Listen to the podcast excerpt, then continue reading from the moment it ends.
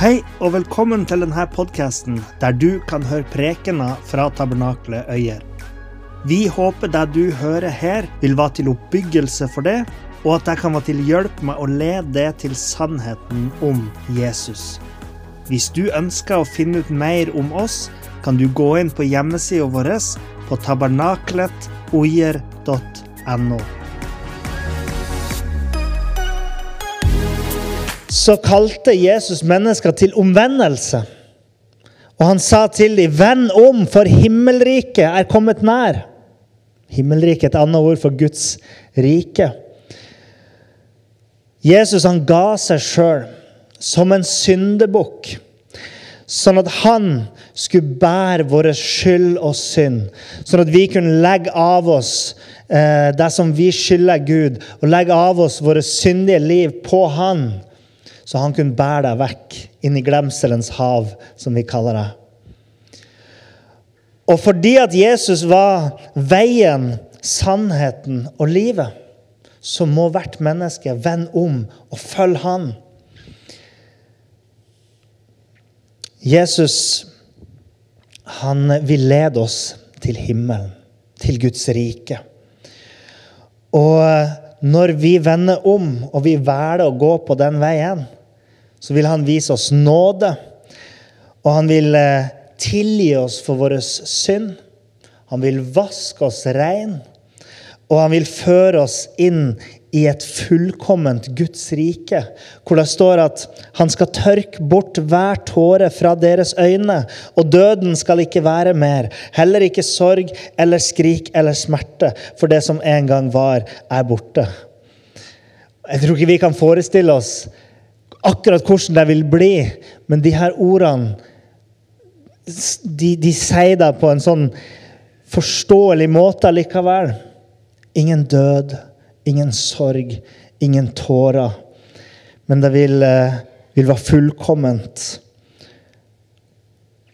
Og i forlengelsen av denne omvendelsen så blir vi gitt et høyt kall. Og med vi så mener alle som har vendt om for å følge Jesus. Og så mener de at det er Jesus som har gitt det til oss. Og med høyt så mener guddommelig. Og med kall så mener livsoppgave. Altså, Jesus har gitt oss en guddommelig livsoppgave. Og Der står det om i Matteus kapittel 28, vers 18-20, der Jesus sier meg er gitt all makt i himmel og på jord. Gå derfor og gjør alle folkeslag til disipler, mens dere døper dem til Faderens, Sønnens og Den hellige ånds navn, og lærer dem å holde alt det jeg har befalt dere. Og se, jeg er med dere alle dager inntil denne tidsalders ende. I forlengelsen av vår omvendelse, fordi livet med Jesus stopper ikke ved omvendelsen i forlengelsen av den så blir vi gitt et kall til å følge Jesus. Og målet med det kallet gir Jesus oss her, det er å gjøre andre mennesker til etterfølgere av Jesus. Og I dag så kaller vi gjerne etterfølgere for, for followers, eller følgere. ikke sant? Vi snakker mye om det, egentlig, eh, når vi snakker om sosiale medier og sånt. Men et ord som vi kristne bruker, er disipler. Og målet med disippelskap er å gjøre andre mennesker til disipler.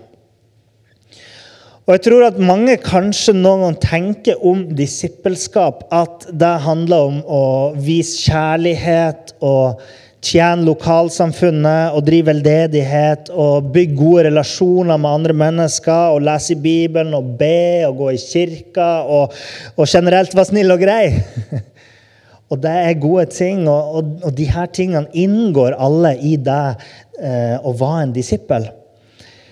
Men disippelens høyeste mål er å gjøre andre til disipler.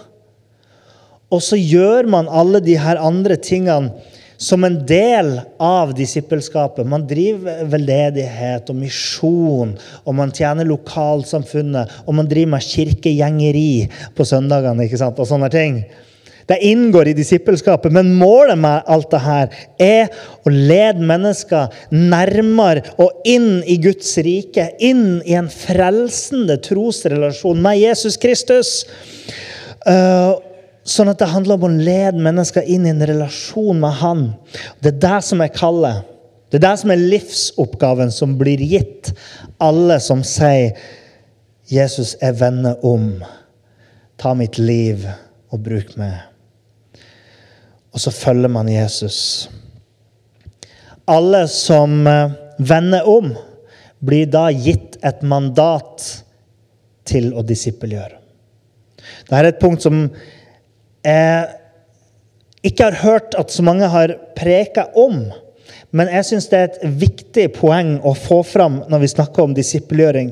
Og jeg vil gjerne oppmuntre dere som står foran denne livsoppgaven som Jesus har gitt dere, ved å gå tilbake til Matteus 28, fordi Jesus begynner i vers 18.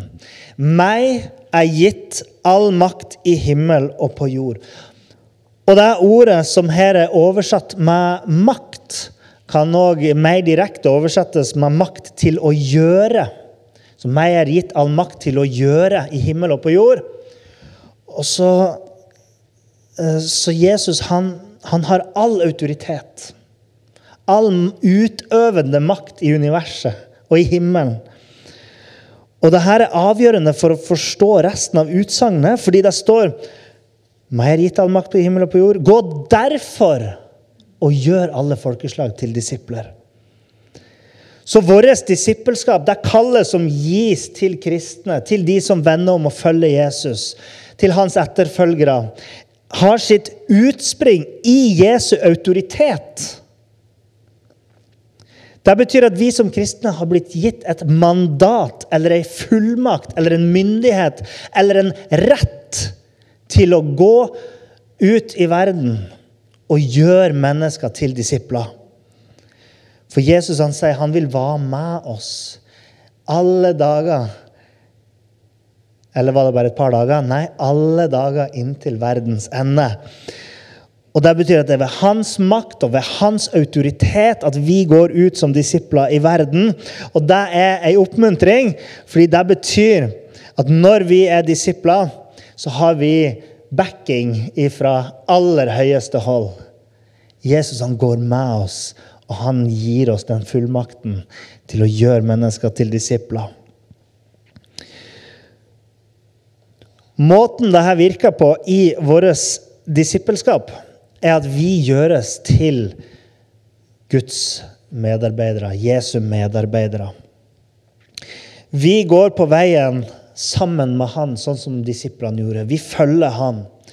Og Jeg tror vi finner et godt eksempel på det her i 1. Korinterbrev kapittel 3, der Paulus setter ord på denne dynamikken mellom disiplene sin, sin uh, utøvelse av mandatet som hadde blitt gitt dem, og Guds oppdrag i verden.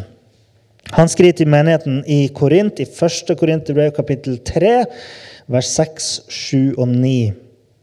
Hvem er da Paulus, og hvem er Apollos?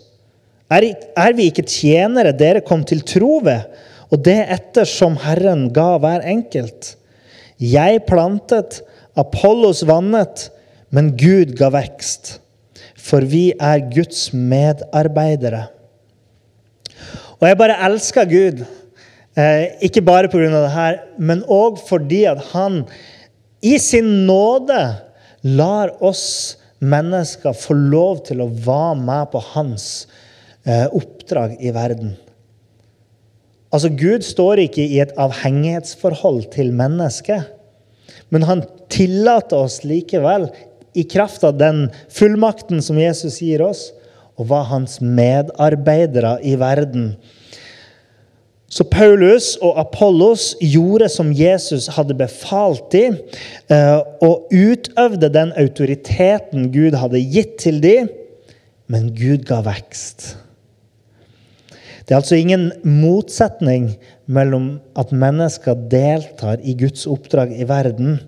Eh, det er et samarbeid. Vi kalles medarbeidere. Slik disiplene var Jesu medarbeidere når de vandra sammen med han her på jorda. Og Jesus han går òg sammen med oss. Og Dette betyr at dine ord og dine handlinger kan bidra til å gjøre andre til disipler. Vet dere at Paulus han går faktisk så langt at han sier i 1. Korinterbrev kapittel 11 vers 2.: Vær mine etterfølgere, slik jeg er Kristi etter, etterfølger. Og til filipperne i kapittel 3 vers 17.: Søsken, vær mine etterfølgere, og legg merke til dem som vandrer slik, ettersom dere har oss som forbilde. Og Hvis jeg tror at jeg har blitt gitt et sånt mandat av Jesus, og jeg tror at Jesus er med meg og går sammen med meg, så bør jeg kunne si det samme som Paulus sier. Jeg bruker å, å si at du vil ikke se Jesus fullkomment bare ved å se på mitt liv. Jeg skulle ønske det var slik, men noen ganger så gjør jeg feil. Og, og det innrømmer også Paulus i, i Filippebrevet kapittel 3. Men jeg tror og håper likevel at hvis mennesker imiterer mitt liv, så vil de bli mer lik Jesus. Og jeg tror, i fare for å høres arrogant ut, at hvis mennesker følger med i min vandring med Gud, følger undervisninga mi og hører på det jeg har å, å, si om Jesus, så tror jeg at de vil bringes nærmere Gud. Og det vil si at jeg tror at med mine ord og mine handlinger så kan jeg bidra til å gjøre mennesker til disipler. Og bidra til å lede mennesker inn i Guds rike. Og jeg sier det til dere fordi at du bør tro det samme om deg sjøl. Fordi når du sier ja til å følge Jesus, så gir han det et guddommelig mandat og et kall, en myndighet, en fullmakt, en rett til å være et, en disippel som leder andre mennesker inn i Guds rike. Så du trenger å vite at det å gjøre andre mennesker til disipler er et mandat for ditt liv.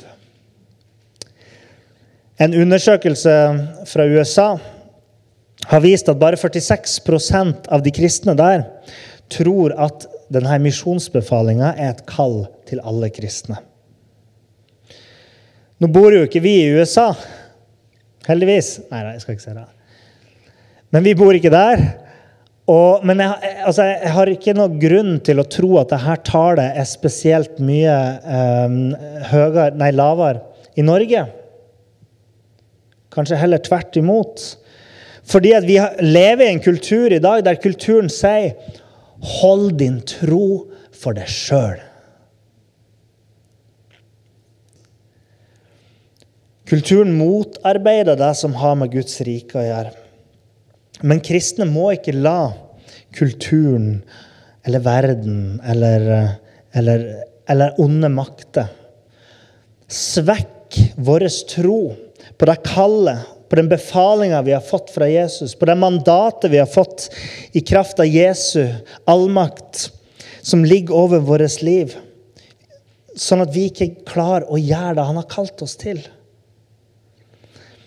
Høsten er moden, og arbeiderne er få sier Jesus. Gud han er allerede virksom i verden. Han har alltid vært virksom i verden. Han virker på mennesker. Så Jesus sier høsten er moden. Det finnes mennesker som Gud allerede virker på. Men arbeiderne er få. Og det er vi som er kalt til å være arbeidere og var disipler og var Guds medarbeidere i verden, sånn at vi kan være med på oppdraget og være med på innhøstninga. Tenk for en velsignelse det er! Er det ikke det? Og det kan kanskje skje at enkeltmennesker ikke anerkjenner ditt mandat til å disippelgjøre i verden. Og Nå snakker jeg ikke bare om disippelgjøring av ufrelste, ikke sant? fordi vi kan være på forskjellige nivå i vår vandring med Jesus. Eh, så du kan møte mennesker som ikke, som ikke, vil høre at du forteller om Jesus, som ikke har lyst til å imitere ditt liv som troende, osv. osv. Men det betyr ikke at du mister ditt gudegitte mandat til å disippelgjøre. Fordi du har et mandat fra Jesus til å gjøre andre mennesker til etterfølgere av Han, og til å lede mennesker inn i Guds rike.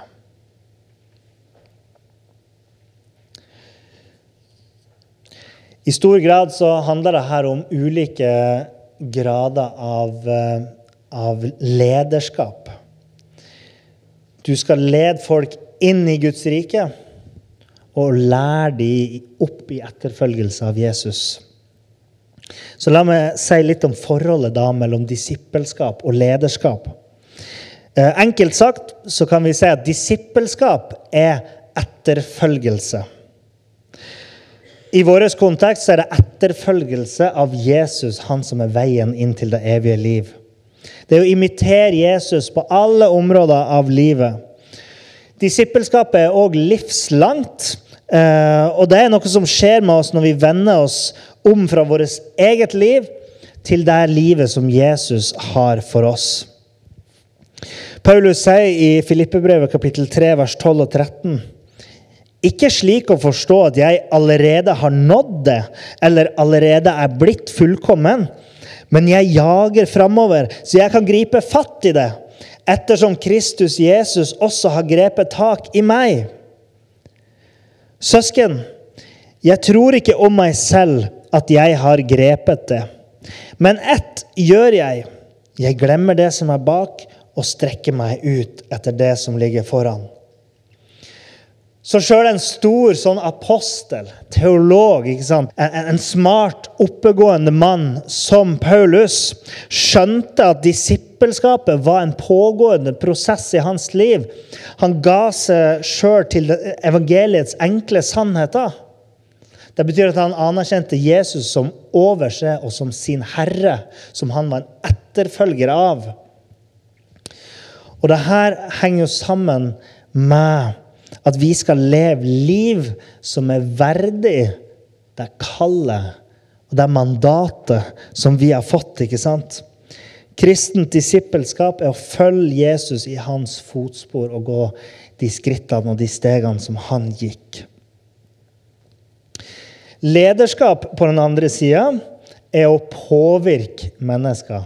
Gjerne i retning av en visjon eller et syn eh, av der man ønsker å være.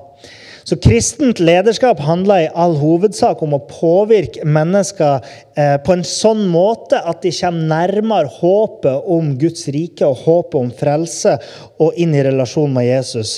Med andre ord så handler kristent lederskap om å viderebringe visjonen, synet, av Jesus til andre mennesker. Synet av Guds rike og den visjonen, og gi den videre til andre mennesker. Bare hør f.eks. hvordan Johannes åpna første Johannesbrev med å dele denne visjonen av Kristus. Det som var fra begynnelsen, det vi har hørt, det vi har sett med egne øyne, det vi betraktet nøye, og som hendene våre tok på, det forkynner vi. Livets ord. Og han fortsetter med det her og, og, og sier det gang på gang. det her har vi sett, det her har vi sett. Og det, klart, De hadde sett det fysisk, men vi har sett det i vår ånd. Kristent lederskap er å lede imot denne visjonen. Mot den Jesus Kristus som vi har sett, og som vi har vendt om for å følge etter. Dette er ikke en oppgave som er delegert til evangelister eller til lovsangere eller, til, eller til, bare til misjonærer eller pastorer eller diakoner. Men et sånt kristent lederskap er gitt til alle kristne. Så sammenfaller da kristent disippelskap og eh, lederskap. Kristen etterfølgelse og kristen påvirkning i det kallet vi har som disipler, som dere kan se på den illustrasjonen på skjermen her. En disippel er både en etterfølger og en påvirker. Og Jeg har tatt bilde av en sau, siden vi er sauer i hans flokk. ikke sant? I Kristi flokk. Han er vår hyrde. Og hva sa Jesus? Jesus sa, 'Kom, følg meg, og jeg vil gjøre dere til menneskefiskere.' Han sa, 'Gjør alle folkeslag til disipler.' Døp dem til Faderens og Sønnens og Den hellige ånds navn, og lær dem å holde alt det jeg har befalt dere. Og se, jeg er med dere alle dager inntil verdens ende. Gud vil ha etterfølgende påvirkere, ikke bare mennesker som blir frelst. Gud vil ha ledende disipler, disipler som leder andre den veien de skal gå, og ikke bare benkefyll i menighetene. Jeg syns det er fint med benkefyll òg, men han vil ha mer. Han ber mer av oss. Ja, troens mål er sjelens frelse, skriver Peter. Men Gud har så mye mer for oss. Han gir oss så mye mer å leve for. Jesus han vil gjøre oss til menneskefiskere. Gjøre oss til disipler som gjør nye disipler, som gjør nye disipler, osv., osv. Derfor så vil jeg òg si at disippelskap er lederskap. Kristent disippelskap er både etterfølgelse og ledelse eller påvirkning på andre mennesker. Det er nemlig ganske tydelig at Jesus han ønsker å gjøre oss til menneskefiskere, som betyr å lede mennesker til omvendelse, fordi Jesus sier 'døp dem' i misjonsbefalinga, som representerer omvendelse. Og Det innebærer at vi skal lede mennesker inn i en større forståelse av Guds rike, fordi han sier 'lær dem'. Døp dem, led mennesker til omvendelse. Lær dem, styrk mennesker i deres etterfølgelse av Jesus. Og Der kommer også fram i, i Filippebrevet 3, som vi har vært inne på. Paulus sier i vers 12 sant, at Jesus har grepet tak i han. Uh, og så i vers 17.: Vær mine etterfølgere og legg merke til dem som vandrer slik, ettersom dere har oss som forbilde. Paulus har da blitt grepet av Jesus og så, Derfor er det trygt for de andre å følge etter Paulus. Fordi Paulus han, han er jo grepet av Jesus. Da kan de andre trygt følge han. Så Ja, og en, illustrasjon for oss da, er jo det at eh, ja, Kan jeg låne det, Kåre? Ja. Det er jo det at Kåre tar armen min, ikke sant? Og holder meg fast. Og han er, han er Jesus, og han, han, rører ikke på seg. Uansett hva jeg gjør. Så han står støtt, ikke sant? Men jeg har jo ei hånd til fri her. Så, så lenge Jesus holder med, så kan jeg ta og gripe andre og, og lede de til han. Og når jeg har gjort det Han slipper meg fortsatt ikke, men da holder han både meg og den andre. Og så kan jeg slippe den andre og la han holde Jesus, og så kan jeg gå og finne noen andre og lede de på nytt. Sånn at så det er der det handler om denne kristne disippelskapet. Å lede mennesker til Jesus og, og gjøre nye disipler som gjør den samme prosessen igjen og igjen. Disippelskapet er òg livslangt. Åh, kjære tid, er det så langt? Ja, livslangt, eller kalle. Så la meg si litt mer om det. Dette har en kvantitativ betydning for ditt disippelskap. Det betyr at disippelskapet ditt vil vare over tid, slik at du vil komme til en dag der du sier at oi, nå har jeg vært disippel i mange dager. Kvantitet. Men det har òg en kvalitativ betydning for ditt disippelskap. Fordi kvaliteten på ditt disippelskap forandres over tid. Dess mer du lærer, dess mer du erfarer, dess mer du, du gjør, dess mer du helliggjøres, dess mer du utrustes ved Den hellige ånd, dess høyere kvalitet for ditt disippelskap. Så det livslange disippelskapet er altså ikke bare en statisk status som disippel. At du bare, at du bare omvender det, ikke sant? og så legger du det på sofaen resten av livet. Stat, det er statisk status. Men det er en voksende og en levende etterfølgelse av Jesus. Vi kaller jo dette en modningsprosess. Å modnes som troende. Din disippelgjørelsesevne vil derfor forandres over tid, så fremt du søker vekst i din etterfølgelse.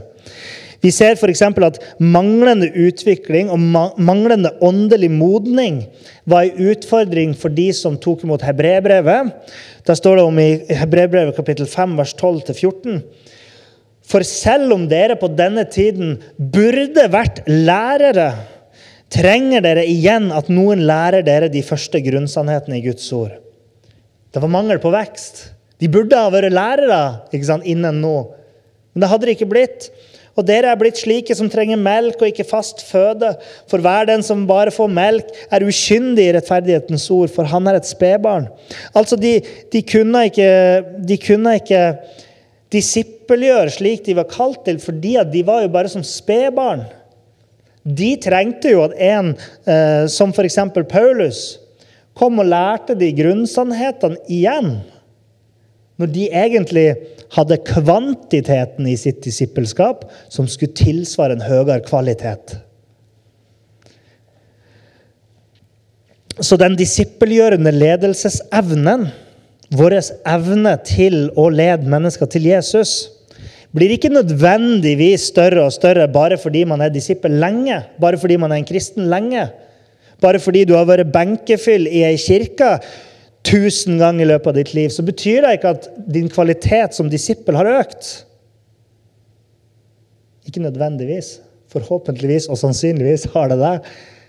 Men ikke nødvendigvis. Fordi man må søke å, å vokse i kunnskap, i visdom, i, i, åndelige gjerninger, i handling og disiplin som troende.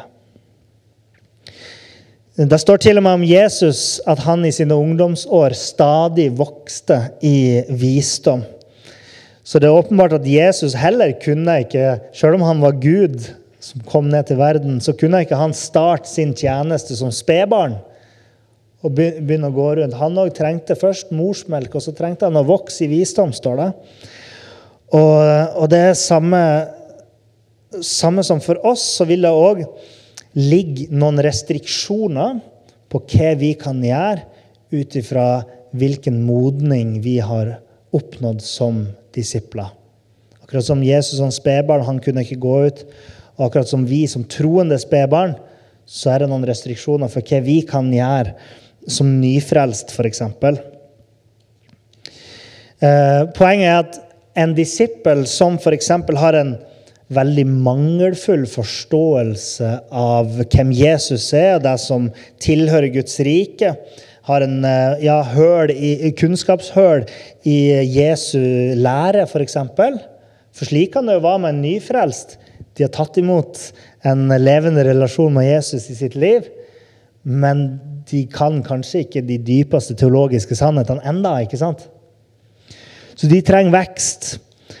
Eh, og en slik nyfødt disippel kan ikke lede andre disipler som er mye mer moden enn seg sjøl. Men Bibelen viser oss likevel at en sånn her nyfødt eller umoden eller fersk disippel fortsatt kan lede mennesker inn i etterfølgelse av Jesus for deg. La oss gå til historien om Philip og Nathaniel i Johannes evangelium kapittel 1. Philip han var en superfersk disippel. Okay? Eh, trolig hadde han blitt frelst samme dag eh, som han begynte å kalle andre til disippelskap. Han var bare så vidt dratt opp i båten før han begynte å fiske sjøl. Si det sånn. Og Philip han går til en som heter Nathanael, og han begynner å undervise Nathanael i de dypeste åndelige sannhetene og de største hemmeligheter i Guds Nei, han gjør ikke det. Philip går til Nathanael med den kunnskapen han har som en fersk disippel. Og Vi leste fra Johannes kapittel 1, vers 45. Philip fant Nathanael. Altså Philip gikk og fant han, gikk og leita han opp og fant han og sa til ham, vi har funnet ham som Moses skrev om i loven, og som også profetene har skrevet om, Jesus fra Nasaret, Josefs sønn. Nathanael sa til ham, 'Kan det komme noe godt fra Nasaret?' Philip svarte, 'Kom og se!' Så til og med en så fersk disippel kan allikevel lede et menneske til Jesus. Alt man trenger, er et menneske som sier, 'Kom og se, jeg har møtt Jesus.' Kan du komme og se hvem han er, sammen med meg? På den andre sida har du en moden disippel som f.eks. Paulus, som helt åpenbart kunne lede mennesker inn i, eh, i, Guds rike og inn i en relasjon med Jesus, men som òg kunne styrke andre disipler i sitt disippelskap. Det gjør jo Paulus både ved å påpeke sånne eh, liksom, eh, enkle ting som hva er synd, og hva er godt. Men eh, han lærte de samtidig å tenke som disipler. Hvis vi går til Filippebrevet, siden vi allerede har vært der, i kapittel 2, der står det fra, fra vers 2 Gjør min glede fullstendig ved å ha det samme sinnelag og den samme kjærlighet, og være ett i sjel og ha det samme sinn. Gjør ikke noe ut fra selviske ambisjoner eller lyst til tom ære, men enhver skal med ydmykt sinn akte de andre høyere enn seg selv. Ingen av dere må bare trakte etter det som er best for dere selv, men også etter det som gagner andre. La dette sinn være i dere som også var i Kristus Jesus og han sier at, eh, at eh, hvert kne skal bøyes for Han som har navn over alle navn. Du skal ikke bare tenke på din egen etterfølgelse av Jesus, men du skal òg være opptatt av de andre sin etterfølgelse. På denne måten skal du som er en moden kristen, som har vandra over lang tid, og som har vokst i modenhet, tjene andre troende i ditt disippelskap. Disippelgjøring handler ikke bare om de der ute. De som aldri kommer i kirka, de som aldri har hørt om Jesus. Men det handler òg om de som er unge i troa. De som trenger føde fra sunne, modne troende. Som trenger å løftes opp og bæres noen gang. Slik at alle skal få komme inn i en bekjennelse av at Jesus er Herre. Egentlig den teksten som vi ser her, det er en litt sånn forenkla utgave av de her armbåndene 'What would Jesus do?' For det er Paulus han prøver å lære dem tenk sånn som Jesus tenkte. Ha det sinnelaget han hadde. Gjør sånn som Jesus gjorde.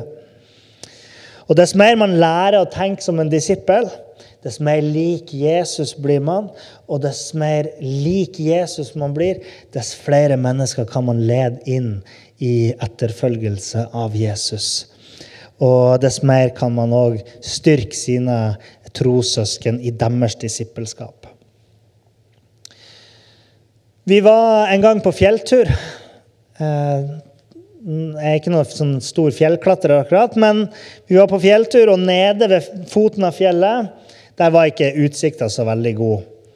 Der var det bare skog, tett skog, som vi måtte gå gjennom først. Men dess lenger opp vi kom, dess bedre ble utsikta. Og til slutt så var vi jo helt over tregrensen, og da så vi jo langt utover havet.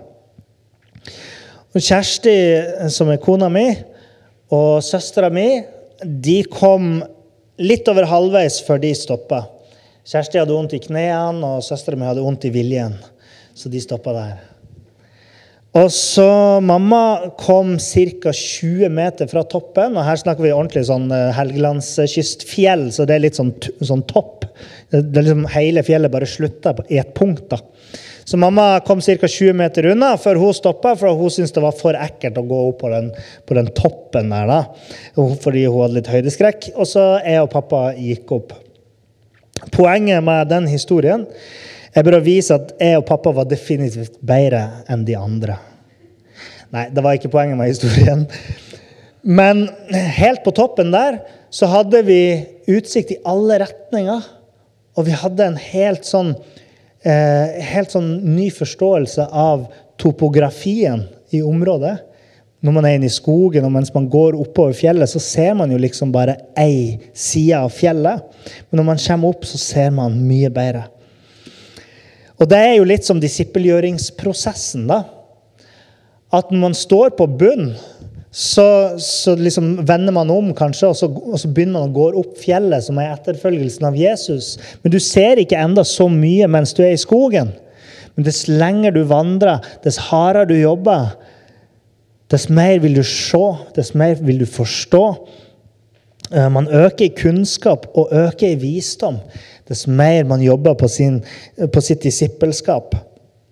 Ikke alle kom helt opp på denne fjellturen. Eh, men når man bruker det som et bilde, og man ser de her personene på forskjellige stadier oppover fjellet, så skjønner vi at, at det kunne godt ha vært sånn at jeg og pappa hadde, hadde hjulpet de andre. Nå, nå, kunne ikke jeg ha båret Kjersti 500, meter, 500 høydemeter opp eh, pga. at jeg ikke er sterk nok, ikke fordi hun er tung.